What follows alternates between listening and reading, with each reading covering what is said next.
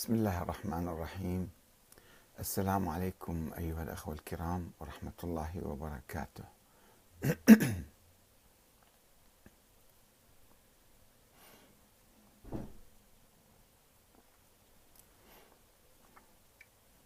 بعد قليل نبدأ البث المباشر.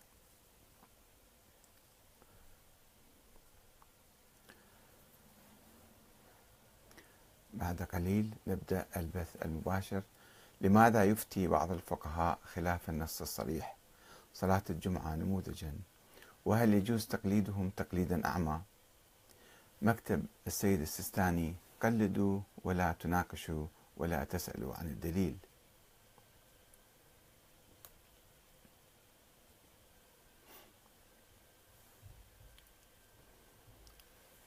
بعد قليل نبدأ البث المباشر.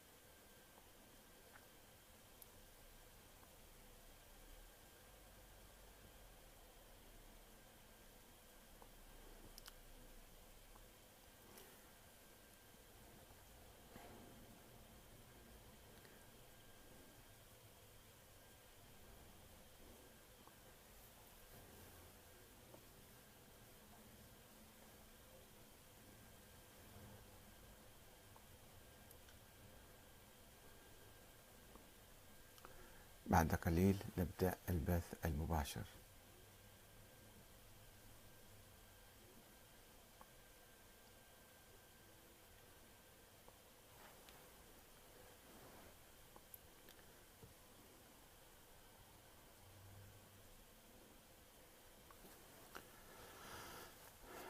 بسم الله الرحمن الرحيم. والحمد لله رب العالمين. والصلاة والسلام على محمد وآله الطيبين الطاهرين. السلام عليكم أيها الأخوة الكرام ورحمة الله وبركاته. لماذا يجتهد بعض الفقهاء في مقابل النص كصلاة الجمعة نموذجا؟ هل يجوز التقليد في المسائل الواضحة في القرآن الكريم؟ أم يحرم التقليد فيها لأي شخص آخر خلاف القرآن. مكتب السيد السيستاني يقول قلدوا الأعلم ولا تسألوا عن الدليل. السؤال هو من الأعلم حقا؟ وكيف نعرف أن هذا العالم هو عالم حقا؟ وكيف نعرف الأعلم؟ ألا يجب أن ندرس تاريخ تطور الفقه الشيعي ولا سيما في مسألة صلاة الجمعة وعلاقة ذلك بتطور الفكر السياسي الشيعي. ألا توجد علاقة بين القول بتحريم صلاة الجمعة أو عدم وجوبها عينا والقول بفرضية وجود الإمام الثاني عشر؟ هل يمكن لأي فقيه أن يجتهد في صلاة الجمعة آه، دون أن يبحث موضوع وجود الإمام الثاني عشر؟ هذه كلها أمور متداخلة. آه، وقد آه، دفعني إلى هذا الحديث اليوم رغم أني كنت قد تكلمت عن صلاة الجمعة عدة مرات خلال السنة الماضية ولكني بعثت برسالة إلى مكتب السيد السيستاني أستوضحه فيها عن حكم التخيير الذي يقول به السيد السيستاني. وهذه هي الرسالة والغريب الجواب الذي أتاني من مكتب السيستاني ردا على رسالتي. جواب فيه نوع من الجهل والاستعلاء. و والدكتاتورية في الفقه.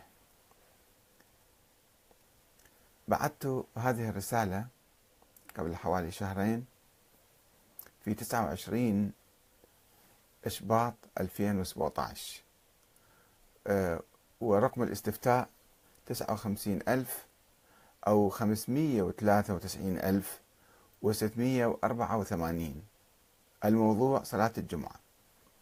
السؤال اطلعت على فتوى لسماحة السيد السيستاني حفظه الله. تقول إذا أقيمت الجمعة في بلد واجدة الشرائط فإن كان من أقامها الإمام عليه السلام أو من يمثله وجب الحضور فيها تعيينا.